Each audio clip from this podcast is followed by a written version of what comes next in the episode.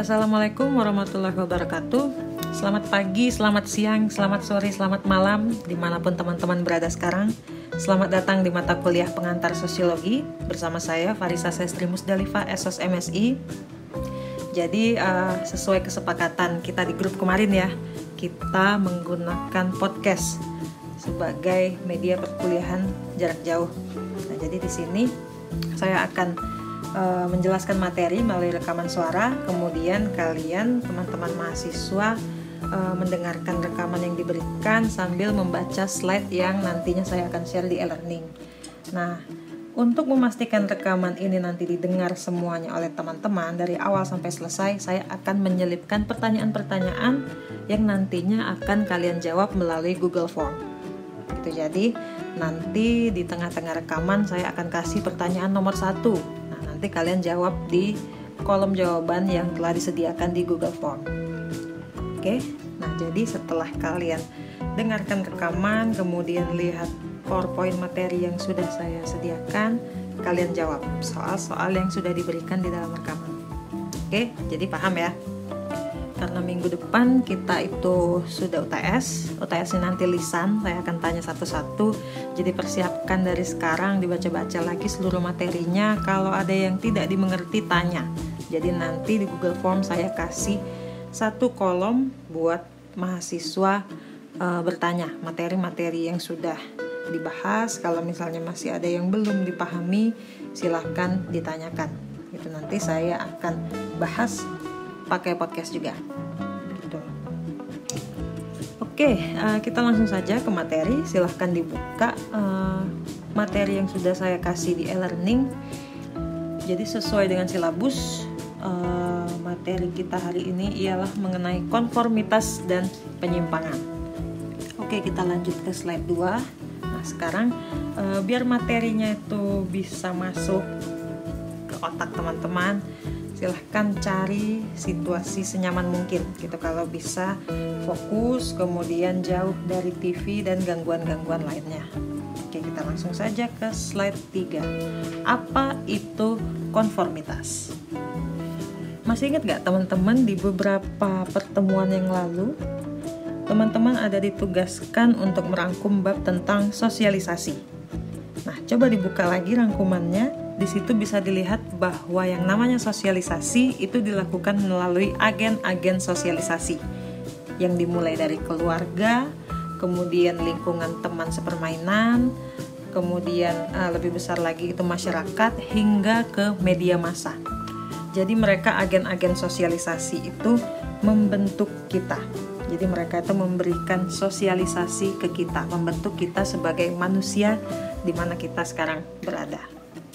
Nah, bahasan mengenai sosialisasi ini berkaitan erat dengan bahasan kita sekarang, yaitu mengenai uh, konformitas dan penyimpangan. Karena proses sosialisasi itu menghasilkan yang namanya konformitas. Bisa dilihat di slide berikutnya, itu saya ada kasih gambar sepatu, kemudian mainan mobil-mobilan, terus ada anak kecil bermain bola, terus kemudian ada orang naik moge.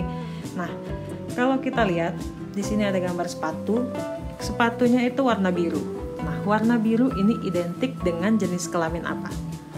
Pasti dengan jenis kelamin laki-laki. Dan kemudian ada juga gambar e, robot-robotan, mobil yang bisa berubah jadi robot. Ini juga mainan laki-laki. Kemudian ada gambar anak kecil lagi main sepak bola. Kebanyakan e, anak yang bermain sepak bola ini merupakan anak laki-laki dan kemudian ketika anak laki-laki itu tumbuh dewasa hobinya juga biasanya hobi anak cowok banget. Gitu, misalnya main motor itu yang berkaitan dengan otomotif. Begitu. Itu juga merupakan hasil dari yang namanya sosialisasi.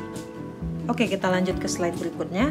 Nah di sini kita ngelihat ada sepatu tapi dia warna pink.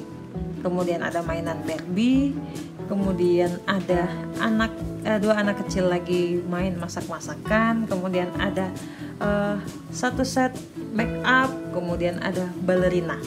Nah semua ini berkaitan dengan perempuan. Ini warna-warna kemudian barang-barang dan aktivitas yang umumnya dilakukan oleh perempuan. Nah ini juga merupakan hasil dari yang namanya sosialisasi. Jadi sejak lahir, orang tua kita itu uh, selalu berupaya agar kita itu berperilaku sesuai dengan jenis kelamin yang kita miliki. Jadi kalau anak cewek dengan anak cowok itu akan berbeda perlakuannya. Mulai dari diberi pakaian dengan warna berbeda, kemudian mainan yang diberikan juga berbeda, dan nanti mereka itu juga akan diajarkan untuk memiliki hobi yang berbeda-beda. Itu misalnya kalau laki-laki itu identiknya dengan warna biru, kemudian kalau perempuan itu identiknya dengan warna pink, warna pastel. Kemudian mainan. Kalau laki-laki itu biasanya main mobil-mobilan, main bola. Kalau perempuan itu main boneka, main masak-masakan. Terus juga dari segi sifat, anak laki-laki itu diharapkan lebih aktif, lebih kasar. Terus kemudian anak perempuan itu diharapkan untuk pasif dan lembut. Itu yang masyarakat harapkan dari uh, seorang anak laki-laki dan seorang anak perempuan. Nah, jadi di sini terdapat adanya perbedaan. Jadi melalui proses sosialisasi ini, identitas diri jenis kelamin seorang anak itu ditanamkan jadi si anak itu dari kecil itu dipaksa untuk konform terhadap peran sebagai anak perempuan atau peran sebagai anak laki-laki sesuai dengan harapan masyarakat. Lanjut ke slide berikutnya. Jadi uh, di sini konformitas itu merupakan bentuk interaksi yang di dalamnya seseorang berperilaku terhadap orang lain sesuai dengan harapan kelompok atau masyarakat. Itu jadi kita itu berperilaku sesuai dengan harapan kelompok atau masyarakat. Ingat ya, perspektif sosiologi yang ketiga. Seeing the personal choice in social context. Jadi, personal choice kita itu ditentukan oleh konteks sosial masyarakat kita. Oke, lanjut slide berikutnya. Jadi pada umumnya kita itu cenderung bersifat konformis manusia itu mudah untuk dipengaruhi oleh orang lain. Banyak banget contoh-contoh di sekitar kita ini di mana sebenarnya kita itu gampang banget dipengaruhi oleh orang lain. Itu di sini saya kasih gambar. Contohnya itu ialah ketika patungan. Misalnya nih, ada teman kita itu yang ulang tahun. Kemudian kita itu punya inisiatif untuk patungan kasih kado. Patungannya itu seikhlasnya.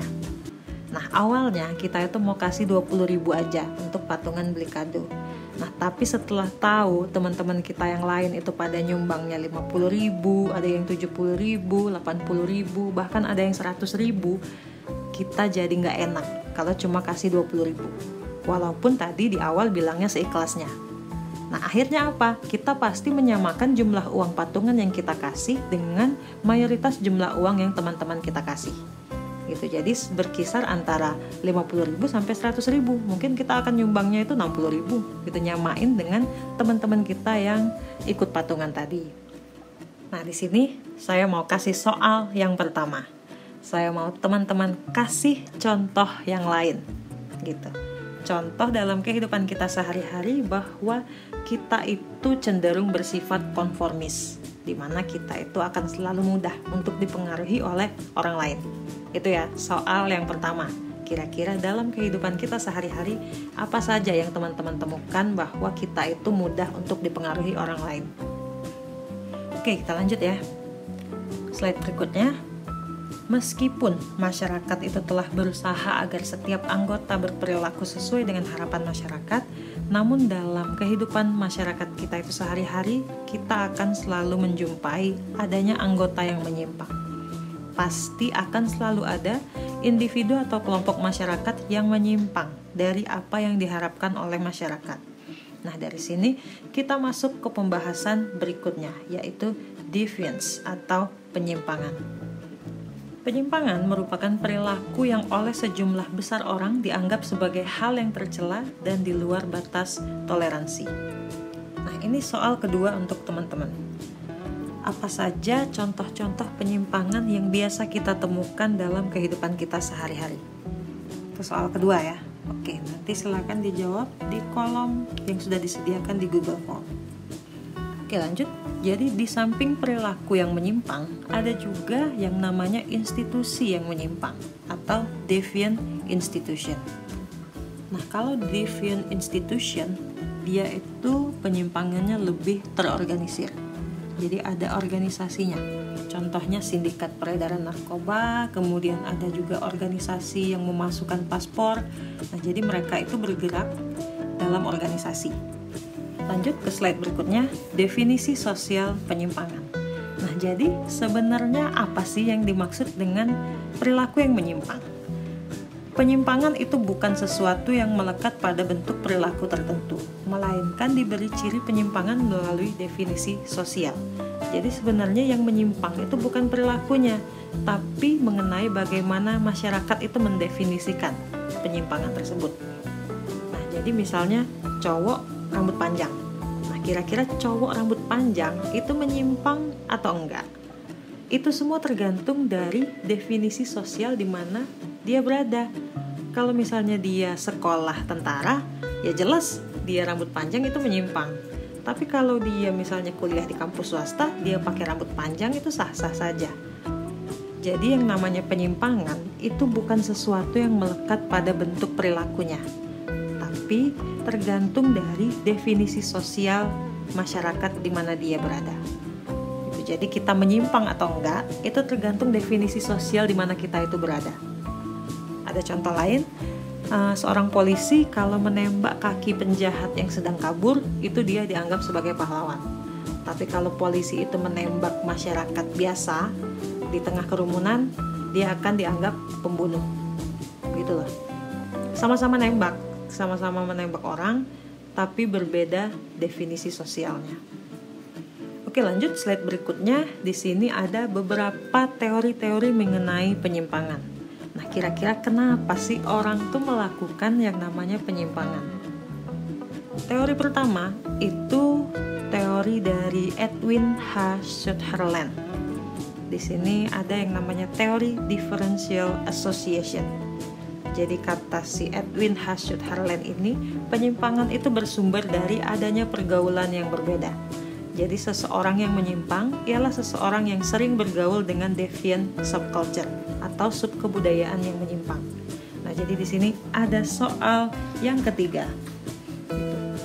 Bisa nggak kasih contoh kenapa adanya penyimpangan yang bersumber dari adanya pergaulan yang berbeda? Itu soal ketiga ya. Kasih contoh adanya penyimpangan karena pergaulan silahkan dijawab di kolom jawaban yang disediakan di Google Form. Berikutnya itu ada teori labeling dari Edwin M. Lemert. Jadi teori labeling ini menyatakan bahwa seseorang itu menyimpang karena proses labeling atau pemberian julukan atau pemberian cap atau pemberian label yang diberikan masyarakat terhadap orang tersebut. Nah, contoh dari labeling ini misalnya ada seorang anak di sekolah yang dia itu iseng nyuri pulpen punya temennya gitu nah keisengan ini itu masih tergolong penyimpangan primer karena dia itu nyuri baru pertama kali dan juga dia iseng nah kemudian dia ini ketahuan nyuri lama kelamaan teman-temannya itu ngecap dia itu sebagai maling gitu. Jadi seiring berjalannya waktu, si anak yang tadinya ini iseng, kemudian karena teman-teman yang ngecap dia ini sebagai maling, kemudian dia mendefinisikan dirinya itu ya memang sebagai maling. Akhirnya dia akan terus mencuri. Gitu loh. Jadi kalau menurut si Edwin M. Lemert, jadi seseorang itu menyimpang karena adanya labeling dari masyarakat. Dia dikasih cap maling, makanya dia berperilaku sesuai cap dari masyarakat tersebut. Oke, di sini ada soal keempat. Kira-kira apa lagi ya contoh yang ada di kehidupan kita sehari-hari itu bagaimana labeling itu akhirnya membuat seseorang itu berperilaku menyimpang. Gitu, jadi catat ini soal keempat contoh lain dari labeling di masyarakat. Oke lanjut e, teori berikutnya itu ialah teori fungsi Durkheim. Jadi ini Teori fungsi Durkheim ini dikemukakan oleh Emil Durkheim. Menurut Durkheim, penyimpangan itu perlu. Penyimpangan itu perlu ada bagi masyarakat. Jadi, yang namanya masyarakat itu tidak homogen. Pasti ada yang namanya perbedaan-perbedaan. Itu pasti ada yang nyeleneh. Gak mungkin semuanya itu e, berperilaku sesuai dengan masyarakat harapkan. pasti akan ada perbedaan. Nah, maka dibutuhkan kejahatan dalam masyarakat. Karena dengan adanya kejahatan, maka moralitas dan hukum itu dapat berkembang secara normal. Jadi kalau kata Emil Durkheim, yang namanya penyimpangan itu perlu ada. Supaya apa? Supaya moralitas dan hukum itu dapat berkembang secara normal. Kalau nggak ada penyimpangan, nggak ada kejahatan, polisi akan nganggur-nganggur aja. Jadi si Emil Durkheim ini memandang penyimpangan itu perlu ada bagi masyarakat. Biar apa? Biar masyarakat itu seimbang. Karena yang namanya individu di dalam masyarakat itu berbeda satu dengan yang lain. Semuanya itu tergantung banyak faktor, seperti faktor keturunan, kemudian lingkungan dia tinggal, dan lingkungan sosial di mana dia dibesarkan. Itu semua akan mempengaruhi seseorang itu akan menyimpang atau tidak. Jadi yang namanya penjahat itu akan selalu ada dan kejahatan pun akan selalu ada. Jadi nggak mungkin di masyarakat itu nggak ada yang nyeleneh. Nah terakhir itu ialah teori konflik. Berbicara tentang konflik pasti kita ingat dengan Karl Marx. Jadi kalau kata Karl Marx, yang namanya kejahatan itu terkait erat dengan perkembangan kapitalisme Menurut pandangan teori konflik ini, apa yang merupakan perilaku menyimpang didefinisikan oleh kelompok berkuasa dalam masyarakat untuk melindungi kepentingan mereka sendiri. Jadi di teori ini, Marx itu bilang hukum itu merupakan cerminan kepentingan kelas yang berkuasa. Yang namanya hukum itu dibuat oleh kelas atas. Oleh sebab itu, Orang-orang yang dianggap melakukan tindak pidana dan yang terkena hukuman itu biasanya lebih banyak berasal dari kalangan yang miskin. Sekalinya ada orang kaya yang berbuat kejahatan, pasti nantinya hukumannya akan lebih ringan. Karena apa? Karena dia punya uang untuk menyuap. Jadi jangan heran kalau misalnya koruptor itu dihukumnya ringan. Karena dia punya uang untuk mengendalikan hukum. Sementara orang-orang dari kalangan bawah dia nggak punya uang untuk mengendalikan hukum. Makanya sering kali orang yang dianggap melakukan tindak pidana dan yang terkena hukuman itu kebanyakan dari masyarakat kalangan miskin. Oke, ini adalah soal kelima alias soal terakhir. Uh, saya mau teman-teman kasih contoh lagi selain dari apa yang saya contohkan tentang uh, teori konflik dari penyimpangan ini. Kira-kira apalagi ya contohnya bahwa perilaku menyimpang itu didefinisikan oleh kelompok berkuasa dalam masyarakat untuk melindungi kepentingan mereka sendiri. Itu adalah soal kelima alias soal terakhir yang harus kalian jawab di Google Form yang telah disediakan. Oke, selesai uh, materi tentang konformitas dan penyimpangan ini. Di sini saya mau teman-teman kasih kesimpulan kira-kira dari materi ini kalian itu dapat apa? Itu kesimpulannya apa dari materi konformitas dan penyimpangan ini? Silakan dijawab soal-soal yang sudah diberikan tadi dan kemudian kasih kesimpulan juga. Kalau misalnya ada yang tidak dimengerti, silahkan tanya di kolom pertanyaan yang telah disediakan di Google Form. Oke, jadi kalau nggak ngerti, nanya ya jangan diem-diem aja nanti ditanya pas UTS nggak tahu gitu oke kalau gitu selesai materi tentang konformitas dan penyimpangan ini. Uh, materi ini juga uh, materi terakhir pertemuan dengan saya sebelum UTS ya. Jadi nanti eh, UTS masih dengan saya secara lisan dan kemudian setelah UTS dosennya akan ganti jadi saya minta maaf atas segala kekurangan selama setengah semester saya mengajar teman-teman di mata kuliah pengantar sosiologi ini. Semoga materi yang sudah diberikan selama setengah semester ini dapat dipahami, diresapi, dan kemudian diingat terus. Jadi ilmu-ilmu yang sudah kita bahas, sudah kita diskusikan selama ini, eh, jangan sampai menguap begitu saja. Oke, kalau gitu eh, sekian Mohon maaf atas segala kekurangan. Saya pamit undur diri. Sampai ketemu di mata kuliah-mata kuliah berikutnya bersama saya Farisa Sestri Musdalifah. Wassalamualaikum warahmatullahi wabarakatuh.